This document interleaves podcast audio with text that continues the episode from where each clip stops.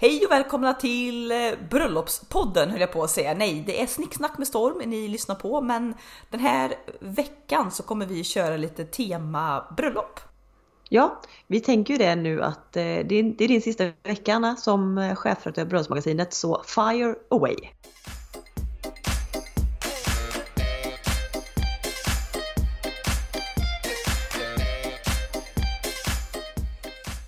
Ja, och vi eh, bjöd ju in er lyssnare lite grann, eh, både genom förra veckans podd och eh, även lite på Instagram, genom att ni fick vara med och styra ja, men lite de här miniämnena eller områdena inom bröllop som ni ville veta mer av. Så vi gjorde lite omröstningar och ni har sagt ert och er önskan är vår lag. Så att jag tänker vi utgår från de här minikategorierna i temat bröllop och så kör vi därifrån helt enkelt. Ja men precis, och det här blir väl en lite förkortad ändå bröllopsvariant på podd. Är ni mer sugna på att veta mer kring bröllop, trender, hur man ska tänka, planering och så vidare. Så rulla ner några avsnitt så hittar ni det massiva bröllopsavsnittet vi gjorde tidigare i vår. Yes. Men lite grann, eh, en, eh, en sak som väldigt, väldigt många var nyfikna på och eh, som jag har märkt då genom, när jag varit i kontakt med brudpar och, och alltså både via bröllopsmagasinet och via mitt, när jag fotade bröllop så att säga, via mitt egna bolag. Det är ju det här att det blir allt mer populärt att ja, sprida ut bröllopen på åren så att man liksom gifter sig i olika årstider och inte längre bara på sommaren. Eh. Nej, och det, det, här är så trevligt för annars är det ju, det är inte så konstigt historiskt sett att Sveriges vanligaste bröllopshelg är pingst. Nej. Så det är så kul att man hör att, eh, ja men jag och du Anna var ju uppe och fotade ett bröllopspar, eller bröllopspar förra helgen. Mm. Vilket är så här höstbröllop, det är fantastisk natur just nu. Likaså ett vinterbröllop typ i december, magiskt om man har vädret med sig. Så jag håller med, det är så roligt att folk ja, men går utanför lite det här ramarna för när ja. man ska gifta sig. Ja, och det finns väl egentligen flera olika orsaker till det. Alltså nu har det ju varit ganska så här, ja men två speciella år kan man säga för men, eh, bröllops, bröllops, eh, ja, för bröllop och för brudpar. I och med pandemin mm. så är det jättemånga som eh, har valt att skjuta upp sina bröllop och därför blir det också nu inför nästa år, alltså 2022, så är det sånt fruktansvärt tryck på ja, men på bröllop, på lokaler, på liksom vigselförrättare, på fotografer. Alltså det är så tryck i branschen, vilket också har gjort att ja, men de här populäraste månaderna då, vilket är kanske är maj, juni, juli, augusti för att hosta bröllop. De är ju fullbokade sedan långt tillbaka. För att ja, de brudarna som inte fick ha sitt bröllop 2020, de är skjutit fram det till 2021 och sen så 2022. Och sen är det ju de vanliga andra paren i Sverige är det ju i snitt ja, men drygt 50 000 bröllop per år. Så du kan tänka dig nu när det inte varit för två år, det är 150 000 brudpar som står och knackar på dörren liksom. Ja, jag vet. Jag fick en chock när jag var inne och tittade på um, en Instagram-sida. Eh, det stället där du skulle vilja ha ditt bröllop Anna, Villa Strömsfors. Mm. De skrev ju ut för någon vecka sedan här att vi har fåtal bröllopstider kvar 2023 skynda nu innan det året är fullt. Jag blev såhär, what? Ja exakt. Så att det, det har ju också gjort att i och med att de här vanligaste datumen är fullbokade så blir det ju allt vad, då tvingas ju brudparen, ja men de kanske får lägga sitt bröllop i november eller mars. Och till och med mm. så här att Istället för att det bara är lördagar folk har bröllop på så är det jättevanligt att folk gifter sig på onsdagar eller fredagar. Att man liksom får också välja en annan veckodag att gifta sig på, vilket jag ändå tycker är men lite kul. Eh, det, det är också ganska populärt med söndagsbröllop. Där är jag lite, alltså för mig och dig som vi pratade om det, vi har lite söndagsångest. Söndag är en ganska tråkig dag. Jag hade inte velat förlägga mitt bröllop på en söndag, eller vad känner du? Nej, oh nej. På tal om det så kände jag bara typ som ett knytnävsslag i magen nu. För det är ju söndag kväll när vi spelar in det här. Och har jag ätit eller gjort något piffigt? Nej, jag åt två stekta ägg rakt ur stekpannan och ett glas vatten förut till kvällsmat. Alltså. Nej, så att, att jag och du skulle hosta Fan. bröllop på en söndag, det är, ett, det är, alltså, det är en fars, alltså det är ett skämt liksom. Men eh, tillbaka lite till, nej, tillbaka till frågan. Det är ju så här att hur man ska kanske tänka då när man får förlägga ett bröllop i november istället för en varm julidag liksom. Och jag tycker ju det så otroligt, alltså det viktigaste med bröllop först och främst, det behöver vi knappt ens uttala, det är ju att fira kärlek och att man blir gift. Sen det här lullullet vid sidan om, det är ju liksom bonus. Eh, det som kan ibland bli fel, det är ju när man riktar för mycket fokus på att det ska bli Instagramvänligt bröllop mer än att man faktiskt hyllar kärleken. Så att liksom first things first, det är kärleken som ska firas. Punkt. Sen om man gör det på ett magiskt sätt, absolut. Men då tycker jag det är väldigt kul att men, löpa linan ut och göra liksom att årstiden på något sätt står för temat på bröllopsdagen. Så att alltså gifte och det, det ja, säger... men hur, hur, hur tänker du? Berätta mer. Ja, men exempelvis, vi kan ta, ja, men säg att du ska göra ett bröllop i januari exempelvis. Då kanske inte du mm. vill så här, ja, men allt från vad du har på dig. Du kanske liksom inte väljer en så här skir bohemisk sommarklänning utan du kanske väljer något som är lite mer, ja men tänk Ellegalan, alltså något mer glamoröst, något som är kanske lite mer täckande på kroppen, kanske med lång ärm, hög hals. Men någonting som ändå är, ja men känns lite vintrigt festklätt mer än så avklätt somrigt. Likadant mm. brudgummen kanske inte satsar på en beige linnekavaj utan väljer en, en liksom vinröd smoking eller liksom en svart kostym eller men någonting så att det hållet. Du kanske adderar en liten pälsjacka eller fjäderbolero. Alltså man går verkligen på den typen. Samma sak att mm. om du kanske inte håller bröllopet i en ladugård som är svinkall i januari. Du får kanske vara på en herrgård eller slott eller finare restaurang som är lite ombonat, mysigt, varmt, mycket och, levande ljus. Ja men tänk när man är på det här stället en jättefin vinterkväll och man kommer från vigseln liksom till feststället och hela vägen upp som marschaller. Alltså det myset. Ja, alltså så mysigt. Och man måste verkligen löpa linan ut. Samma sak med vad man serverar tänker jag på bröllopsmiddagen. Mm. Istället för så här, ah, grön sparris och, och sen flädersorbet och jordgubbar så bara, ja men välj att servera typ så här konfiterad anka med pom anna och sen någon typ chokladfondant med, alltså typ att man ja, alltså, går all in. Precis, och jag, för många så gillar man ju ofta de här smakerna av liksom, du vet så här, höstigt äpple, kola, choklad. Det är ju mer vinter höstbröllop än att servera det i juni. Ja, men alltså precis. Det, ja. ja, och det här är också, det ser ju vi i bröllopsbranschen att jag menar tänka på miljö och tänka hållbarhet, alltså det genomsyrar ju allt och det, det tillhör ju också då att välja säsongs baserat på bröllopsmenyn. Så samma mm. sak att du kanske inte serverar hjortron i eh, maj månad. Alltså utan då vill du ha jordgubbar, rabarber. Alltså så att man ja, verkligen... exakt och även dekorationer tänker jag på. Så mm. tänk vad fett och ha liksom amaryllis, alltså stora, stora amaryllis och typ eukalyptus i en brudbukett. Alltså ja. hur fint? Ja, ja, jättefint. Så att det kan man verkligen då, för att försöka summera det här med årstidsbaserade bröllop, är att ja, men, gör årstiden till ert tema. Och sen så tänk liksom allt som är, alltså tänk att gifta sig på halloween med pumpor överallt. Eller varför liksom, man inte sett med det ja? Halloweenbröllop. Ja, precis. Eller gifta sig då typ i april, ja men typ av vitsippor och blåsippor överallt. Man verkligen tar in våren då liksom i det här. Alltså man verkligen, ja men du, oavsett om du har ett julibröllop, november eller mars eller vad det kan vara. Gift dig på våffeldagen, servera våff, våffelbuffé men Anna, alltså. Om man, det här är ju tar ett steg för långt, du gifta sig kring jul och servera julbord som nej, Nej, alltså nej, nej. Jag tycker så här generellt, det finns två tillfällen man inte gift, tre, tre, okej, okay, okay två. Två tillfällen man inte gift sig på. Det är ett, jul. För nej, nej, don't mess with Christmas liksom. Nej. Och nej. sen två, alla hjärtans dag. Det finns inget mer cheesy än att gifta sig på alla hjärtans dag, så bara glöm det. Och, man, och killar och tjejer ute där, ni får heller inte fria vid tolvslaget på nyårsafton. Nej, vad platt. Nej, nej. Gud, här bestämmer vi vad folk får göra och inte göra. Men ja, ja. Mm. du i alla fall får bestämma. Du är expert, jag är bara en medsägare liksom. Ja, och men också trevligt tänker jag framförallt. Det är väldigt populärt om man pratar just frierier liksom. Det snöar vi in på det. Men det är ganska populärt och så här ja men fria kanske på julafton, nyårsafton, alla hjärtans dag, på någons 30-årsdag. Men jag är så här, nej, alltså för att den dagen ska vara ett eget datum. Det vill liksom inte konkurrera med något annat. Bara, ah, nu firar vi julafton. Ja ah, förresten, eh, det var ju här vi sa ja till varandra. Alltså nej. Men, men du, två, två, frågor också. Två frågor på det.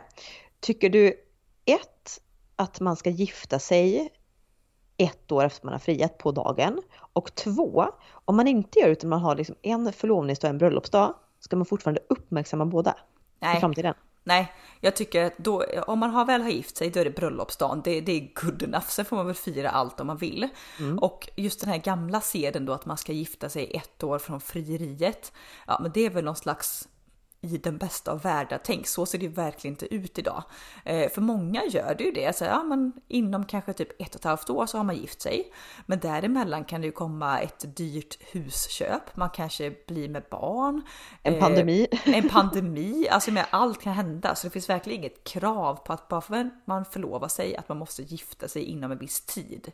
Sen kan ju jag personligen tycka att det är trevligt att ett giftermål väl blir av. För det kan ju vara så att man alltså friar till någon och sen går tiden. Sen helt plötsligt har det gått nio år och då känner man så här, ah, måste vi ha ett bröllop? Alltså då rinner det lite ut i sanden. Mm. Så att ändå lite momentum även om man absolut inte behöver ha någon stress. Nej. På tal lite om det här med, vi pratade att man skulle ha tema för, eh, för när man gifter sig och så vidare.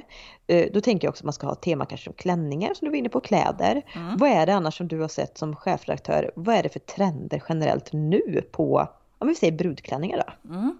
Ja men det är alltså ganska jag skulle ganska tydlig trend. Eh, jag vill bara så här, nu är man ju skadad eftersom man har varit i bröllopsbranschen så många år och mm. det jag ser mm. är ju så här det senaste modet, det som är på modevisningar, det som kommer direkt från designerhusen.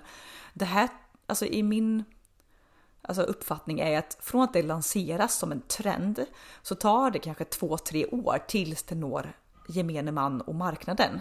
Och jag ja. kan ju tycka då liksom att det jag ser idag på svenska bröllop som brudar har valt, alltså jag ber om ursäkt, men jag som då har sett alla de här coola, häftiga alltså verkligen snygga kreationerna, tycker ju att många brudar väljer väldigt tråkiga bröllopsklänningar. För det är ju så mm. att jag har ju sett de här stora med så här, en stor rosett liksom uppe vid nacken eller jag har ju sett de här med fjädrar, alltså verkligen så här, de alltså haute couture typklänningarna och så ser man någon som väljer en sån liten t-shirt ärm, liten spetsklänning. Då tycker jag så här, alltså vad, nej, vad tråkigt. Men... Ja, men jag håller med dig, och för jag kan ju säga att jag är inte skadad av vad du har sett Anna. Men jag kan också generellt tycka att tittar jag på de bröllopen som jag ser eller som kommer upp liksom i min närhet så är alla stöpta i samma form. Det skulle kunna varit för 20 år sedan och det skulle kunna varit idag och det skulle kunna varit för om 20 år.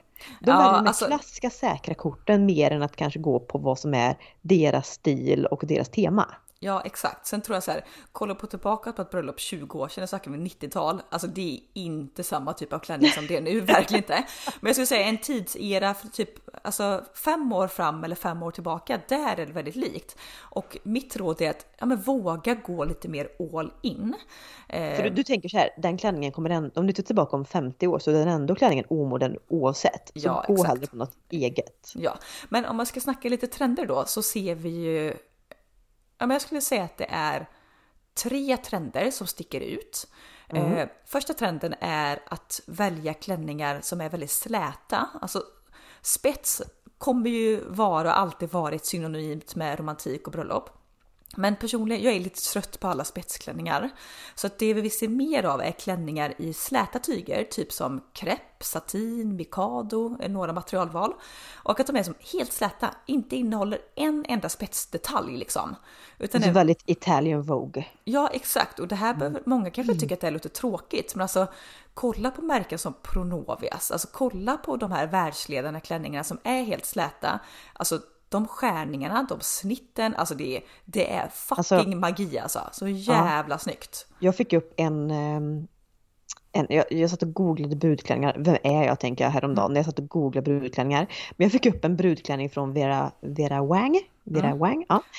Um, i krepp, alltså helt slätt material. De gör ju var... ett eh, samarbete med Pronoves just nu, Vera Wang. Mm. Eh, men, men det var liksom, det var en ärmlös klänning med alltså jätte, jättehög hals. Mm. Tänk nästan så här polohals liksom så fast och inga ärmar, också helt slät. Mm. Eh, ganska som enkel fast ändå med ett släp. Alltså den var så jävla snygg. Det var typ så här det är min drömklänning. Ja, 100%. Och roligt att du säger det med hög hals, för det är trend nummer två. Det är mm. välja klänningar som har liksom, ja men som går hela vägen upp till halsen, kanske liten, liten till och med lite halvpolo på det. Ja. Och det här kan vara klänningar utan ärm, det kan vara klänningar i hellång ärm. Och det här kan också då vara släta klänningar eller typ genombruten spets som man till och med ser huden igenom. Men just att de är ganska täckande är nytt. Eh, sen täckande då, om det är spets så är det ofta liksom lite transparenta partier så att de ser ändå hud igenom så att det ser inte ut som att ha en tvångströja på det utan det är liksom ja, men väldigt sensuellt. Sen sista trenden är Okej, okay, ska vi kombinera två? Det är avtagbara detaljer på en klänning. Mm. Första detaljen som är väldigt populär, det är de här um, off-shoulder-ärmarna som bara är väldigt, väldigt tunna som typ hänger ner på armen. Och de här är ofta avtagbara på en klänning så att du har den, ser väldigt elegant ut. Sen de är avtagbara, då kan du shaka loss med armarna, dansa helt obehindrat. Samma sak att vi ser ja, men, att du adderar en extra kjol på klänningen. Så säg under vigseln, då så här, det är verkligen som en liten cap eller lite så här, men typ ett förkläde ja. utan, alltså du bara adderar en kjol, får en jättevoluminös liksom fin klänning eh, som är väldigt snygg, kanske inte så bekväm att sitta en hel middag eller dansa en hel bröllopsnatt. Så att då tar du bara av den.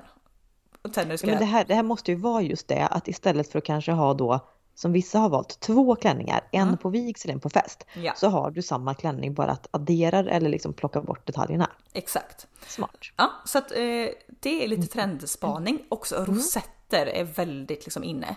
Och då kan det vara liksom, jag har sett eh, klänningar med så här, tyllrosetter på axlarna. Jag har sett med eh, rosetter uppe längst bak i nacken eller nere vid ryggslutet. Och så här, riktigt maffiga stora rosetter är också så jäkla snyggt alltså. Ja, oj oj. I like. Mm. Eh, avslutningsvis då färger eh, eller färgnyanser skala. Det går ju allt från Alltså kritvitt ser man ju knappt längre utan det är lite elfenbensvit. Sen är det allt från mycket varma toner, typ champagne, blush är en nyans som drar lite åt eh, puderrosa hållet, lite mm. guld, alltså de nyanserna också. Top notch. Om vi är ändå inne på trender och liksom den kvinnliga looken, för jag tänker att det är det vi fokuserar på mest kanske idag. Vad är det för ringar som vi ser på, på vigslarna? Mm, eh, jag som är en, en rödguldsperson, alltså jag gillar ju, det kallas ju i Sverige för rött guld, men det är alltså det här vanliga gula guldet vi ser. Mm. Eh, jag är så glad att det är liksom det röda guldet som är tillbaka på kartan. Mm. För att det, alltså den outstanding, mest populära om vi ska säga en ring som typ, jag skulle säga typ att 80% av alla liksom blivande brudar som, som har blivit friare till och gift sig sista sex åren kanske.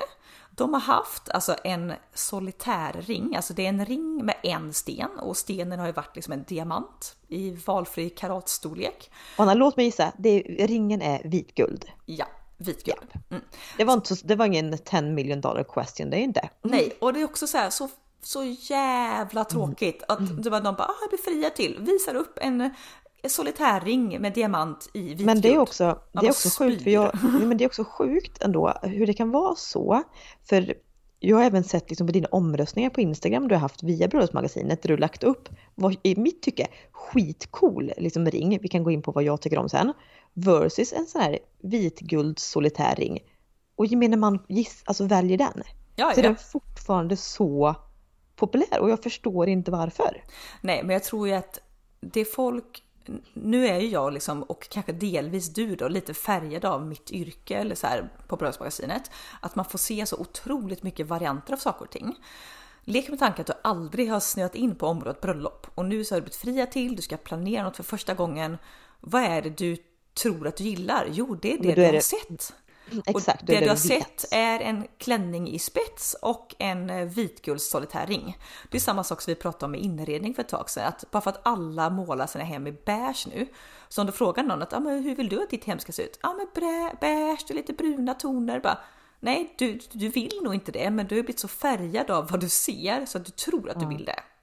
Exakt, men det, det är absolut fallet med det här också tror jag. Mm. Men okej, okay, tillbaka till trenden då. Då började vita guldet få eh, lite liksom utmaning då från det röda lite guldet. konkurrens. Mm, Mm. Lite konkurrens, eh, välbehövligt.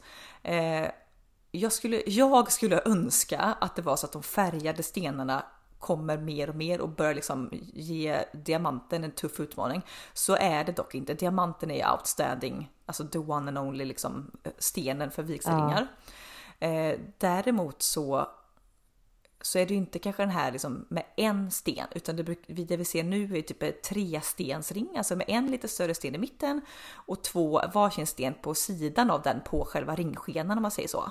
Eh, Så det är lite vintage look på den ringen även om det är en diamantring liksom. Ja men precis. Men det blir ändå lite mer så här, unikt säger jag. Nu, om alla tar Ja. den så är det inte så unikt. Men det blir ändå något någonting som, som sticker ut. Ja, något nytt i alla fall. Precis. Sen är ju både jag och du, jag vet ju både jag och du älskar ju såna här ringar med färgade stenar. Alltså min, min favoritsten är ju lätt smaragden. Alltså jag vill ha en grön sten alltså. Oj oj. Ja men så himla fin. Och jag skulle hellre vilja ha någon topas bärnstens variant för jag går ju mer åt det gul-orange hållet. Det tycker jag är Ja. så läckert. Mm. Jag såg, jag skrev en artikel faktiskt om det för inte så länge sedan om ädelstenar och dess olika betydelser. Mhm. Ehm, och då finns det en sten som heter citrin som är liksom Ja, ja. typ mörkgul orange. Den är väldigt snygg. Ja, så fin. Vad Mm. Oj, betyder den? Kommer du ihåg det? Eh, kommer inte ihåg, vi kan lägga in det lite slide på Instagram. Eh, jag har tagit upp den, eh, den faktan. Men Ja. också kul att läsa kring ädelstens olika betydelser. Jag, jag, vi har varit inne på våra kristaller och lite mening och sånt innan. Eh, det kan jag verkligen tro på. Eh, inte fullt ut, men det kan ändå så här ha lite Men in, avgörande inom, kristall, betydelse. inom kristallvärlden så är ofta det gula stenar eh, med makt och pengar. Ja, Gött att jag vill ha en sån. exakt. Du vill ha makten i det framtida förhållandet liksom. Ja, ja, ja, ja. Ja, nej men skämt åsido, men kul med lite ringspaning då. Om vi ändå pratar trender, vad, vad serverar vi på bröllop idag? Eh, ja men du, lite har vi varit inne Vänta, på jag måste bara harkla. Jag vill att göra det hela podden. Så, kör. Eh, nej men vi har varit inne lite grann på det, just att välja säsongsbetonade liksom, Eh, råvaror på bröllopsmenyn. Eh, sen därefter ehm, så, ja, men om vi tar liksom den första trenden så är det ju att man serverar bröllopstårtan vid liksom välkomstskålen. Tidigare så var det så här, men då var det snittar och bubbel. Nu är det väldigt, väldigt många som, om man vill ha bröllopstårta på sin bröllopsmiddag, att man serverar den då, det första man gör. Och det är ju för att det är en väldigt fin pjäs, så att servera den klockan 23.30 när det är kolsvart ute, Man är bajsfull. man är bajsfull, eh, det är mörkt så ingen kan ta fina bilder och liksom du har lagt ett par tusen på den här tårtan. Alltså det känns bara... Och dessutom har folk ätit en trerättersmiddag och är för mätta för att äta tårta liksom. Så att om de som väljer att ha tårta, alltså servera den innan, första trenden. Annars skulle jag säga att ta bort snittarna. Det är inte längre trendigt. Och det är väl lite på grund av pandemin att göra då, att man vill inte ha ett fat fullt med liksom brödbitar där alla gäster går och tallar på det här fatet. Nej. Utan det som är är ju att Jävligt servera. ofräscht ja. Man tänker efter. Ja, så det som har blivit nu är att servera alltså portionsförpackade, det låter konstigt, men alltså typ förrätter eller mingelmat typ i små glas alla tar varsitt glas eller att man får typ en liten sandwich inlindad i något smörpapper. Alltså man får det paketerat på något sätt.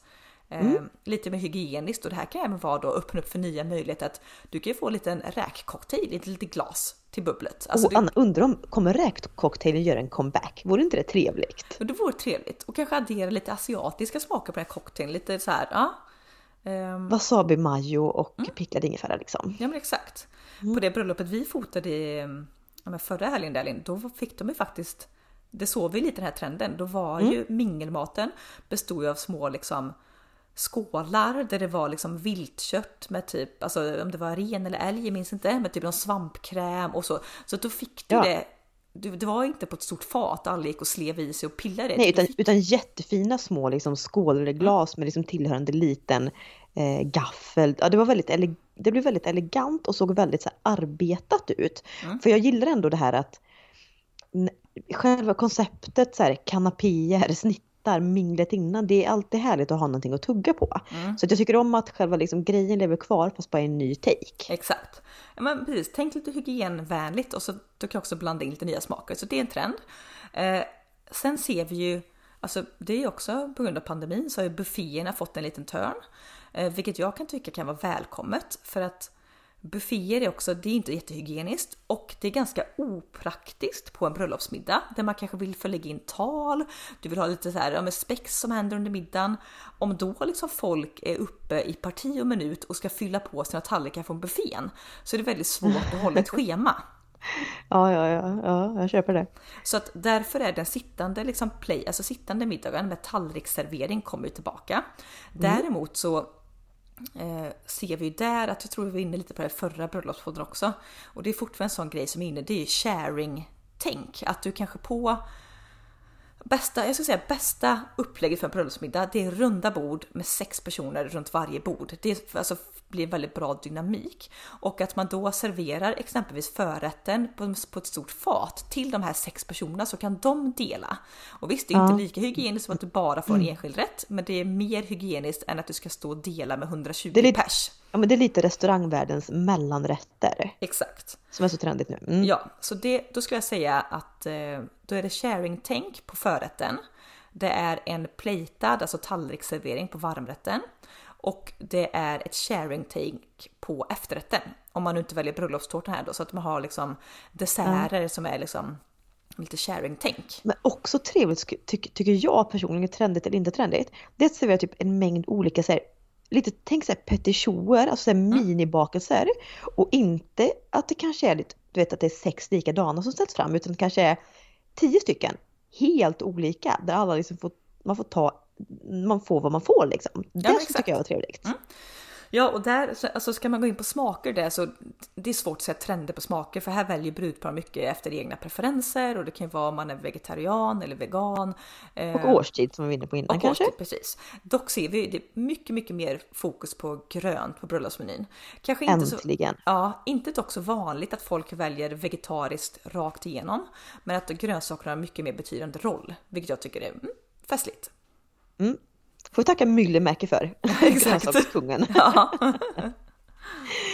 du har egentligen eh, bara en fråga liksom kvar, sen ska vi ta lite som vi har fått in på Instagram. Mm. Men det är det här bröllop utomlands kontra i Sverige. Mm. Vad, hur går trenderna där? Vad, vad tycker gemene svensk?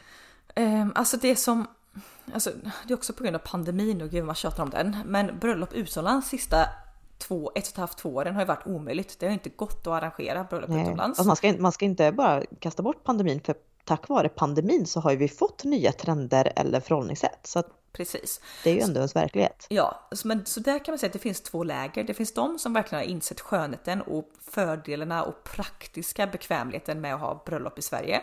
Ja. Sen finns det ju de däremot som inte kanske har rest på tre år och som inte ens kan, alltså de kan inte tänka sig något annat än att ha ett bröllop på franska landsbygden. Alltså det finns verkligen två helt olika läger. Mm.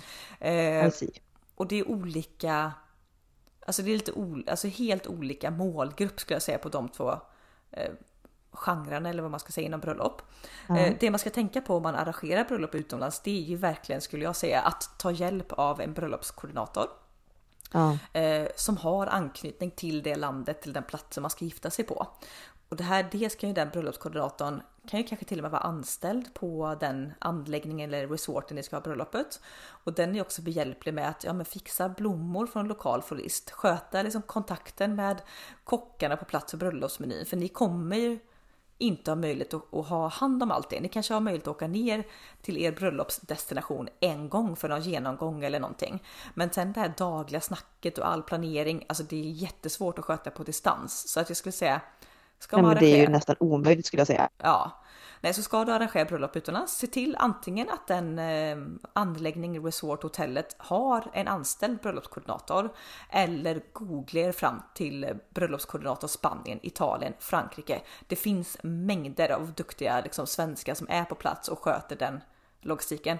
Sen måste jag också säga att eh, om, för att ett bröllop ska vara giltigt rent juridiskt så måste du också göra en vigsel i Sverige och sen får man göra kompletterande utomlands. Eh, om man inte ja, är i Svenska det... kyrkan eller det finns så här Det finns ja. ju kyrka, alltså det finns ju, nu kan inte jag vad det heter, men det finns ju ja men typ svenska kyrkor i eh, Barcelona. Det, då funkar det. Men annars så måste Precis. du göra det juridiskt det, i Sverige. Det visste inte jag. Så det vet jag att du har pratat om och, och det mm. kanske många inte tänker på vid första anblicken heller, att det faktiskt måste vara en giltig liksom, vigsel i den bemärkelsen. Nej, för man ansöker ju om det, man gör någon hindersprövning heter det man gör när man skickar in till, jag vet inte om det är Skatteverket. Det låter som, alltså... jag tänker på hinsvepning när man säger ja. det. Hin, eller hind, heter det inte typ ett kvinnligt rådjur? Jo. Hind. Ja, ja ingen av var det kommer ifrån. Nej, men ja. så det är lite juridiskt eh, liksom joximox eh, att tänka på när man planerar bröllop utomlands. Men har man den drömmen om att gifta sig typ på en vingård i Toscana, alltså gör det. Tumma inte på det, utan gå verkligen all in, men var beredda på att om du är person med kontrollbehov kan det vara lite svårt. Tänker, jag vet att du har fått in lite frågor, mm. Eh, extra frågor via Instagram. Ska vi beta av dem också här innan vi rundar av? Mm. Eh, några av frågorna har vi ändå varit inne på lite vad gäller eh, trender och bröllopsklänningar och mat och så vidare. Mm. Men jag fick en fråga som jag tyckte var lite specifik och lite kul. Och det är en tjej som heter Sanna som skickat in som skriver Hur får man till ett mindre bröllop på runt 30 personer på ett bra sätt? Och det, det här kan jag ju jag älskar den här frågan först och främst. Kul!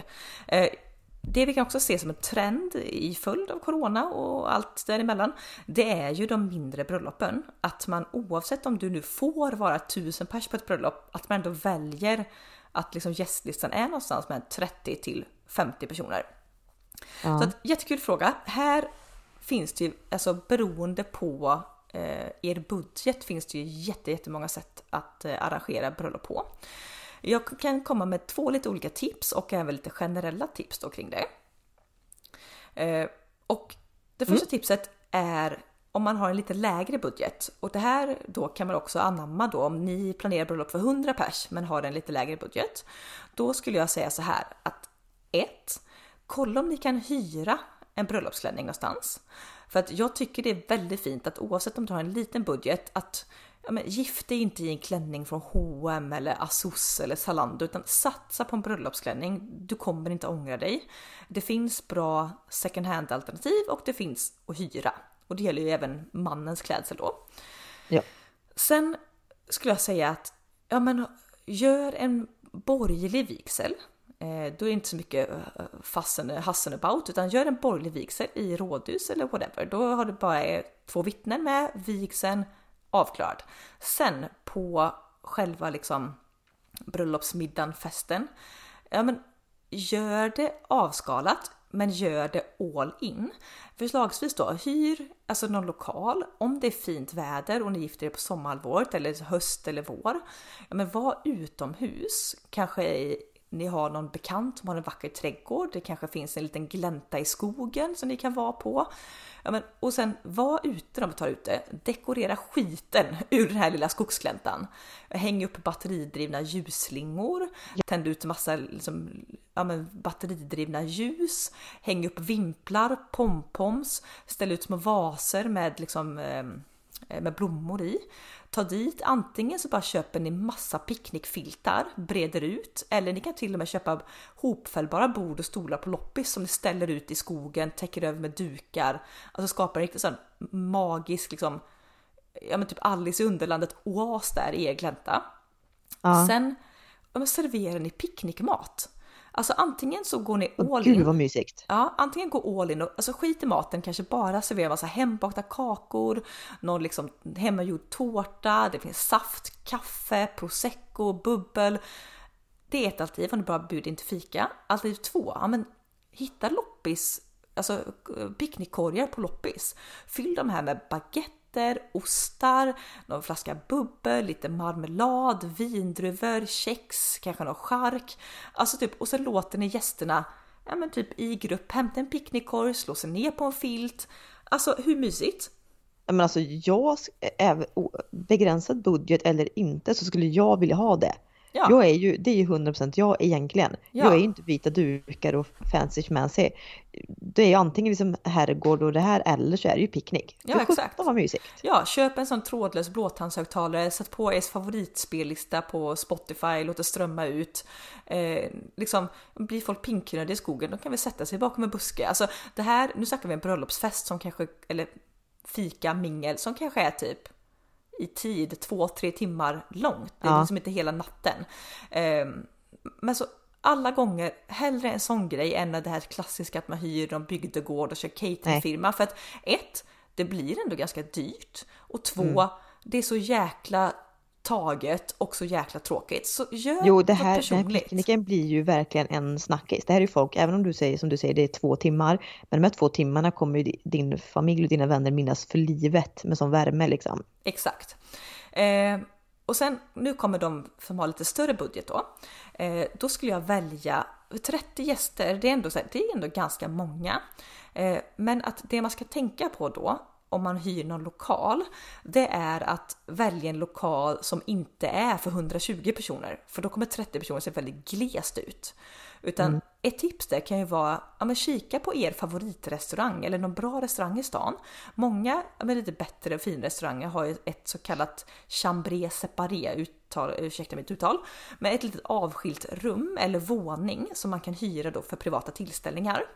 Eh, exempelvis för bröllop. Den här lo lokalen då ligger ju på restaurangen, vilket innebär att det finns liksom mat och dryck och serveringspersonal liksom på plats. Eh, ni kan liksom servera alltså årgångsviner, riktigt fin mat, ändå ha den här lilla slutna lokalen för ja, er och era bröllopsgäster. Också kanske kul om man har en restaurang som betyder någonting för brudparet. Typ Exakt. att det var där man hade första dejten eller man blev förlovad på eller någonting. Ja, eller är ni intresserade av mat och dryck, välj stans bästa restaurang. Alltså verkligen liksom ja. gå all in. Väljer ni på, någon, eh, på, på något herrgård eller sånt, välj något lite mindre, lite boutiquehotell.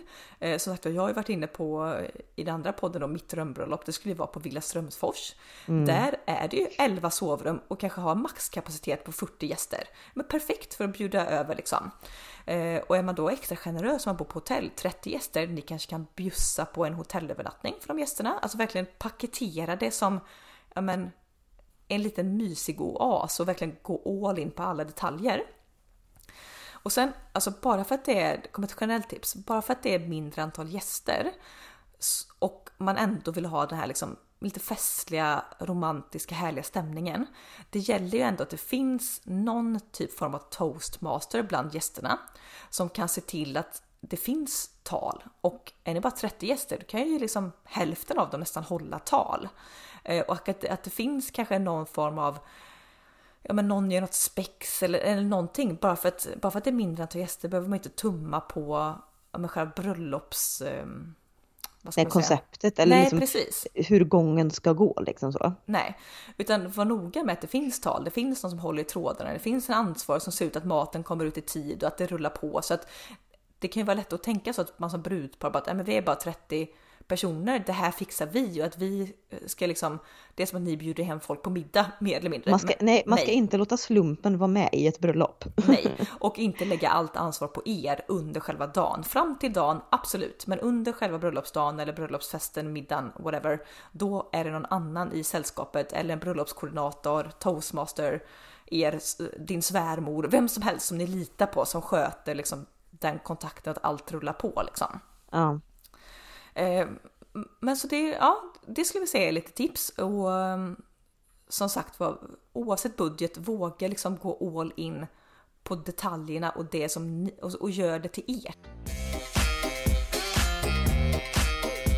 Eh, sen, ja, vi har ju varit inne på detta ehm, men lite tidigare. Jag har också fått många frågor om ja, men hur ser mitt drömbröllop ut? Eh, och vi var inne på det i förra podden, men de som kanske inte har lyssnat eller orkar lyssna, vi kan väl bara dra jättekort. Jag tänker typ två minuter var då Linn. Mitt och ditt eh, drömbröllop då. Ja, nej men det gör vi absolut. Ja. Eh, börjar du Anna? Eh, då skulle nog jag vilja vara ja, men runt 50 gäster. Jag hade bjudit eh, ja, men så många jag kunde på vigseln. För det, liksom, det tycker jag att ja, men, eh, mycket släktingar, man kanske lite avlägset folk som ändå kanske vill se en vigsel. De har jag bjudit till vigseln. När själva bröllopsmiddagen, festen ska dra igång, då hade jag nog bantat ner antal gäster så att man kanske hamnar då runt 40 personer. De hade jag ju gärna då bjudit med mig till Villa Strömsfors. Det är alltså ett typ butikshotell med liksom som ligger i Småland med, med pool. Alltså det är så fint. Alltså googla Villa Strömsfors. Nu är de fullt väldigt uppbokade för bröllop så att jag hoppas att jag inte gifter mig förrän tidigast 2024 ja, då. 2024. mm, exakt. Eh, nej, men då hade jag verkligen velat ja, men ha en hel dag all in. Jag hade ju varit en sån person absolut som har haft två bröllopsklänningar under min dag bara för att jag tycker det är så fruktansvärt kul med kläder. Mm. Eh, jag hade också ja, men, tagit all hjälp jag kunde få med typ hår och smink. Jag hade öst på med blommor för det tycker jag verkligen gör liksom verkligen alltså sätter prägen. Sen kan det vara så här hemma, alltså typ du har plockat blommor på en blomsteräng. Det behöver ju nödvändigtvis inte vara superdyrt liksom. Men mycket grönt tycker jag är vackert. Eh, jag hade eh, investerat i en bra bröllopsfotograf, kanske en videograf också som filmar alltihopa. Men ja. sen hade liksom allt krut fått gå till mat och dryck, för det älskar jag och jag hade verkligen velat skämma bort mina gäster eh, med riktigt, riktigt bra mat och dryck. Och gärna en liten övernattning på det så man kan runda av med lite brunch eller någonting dagen efter. Mm.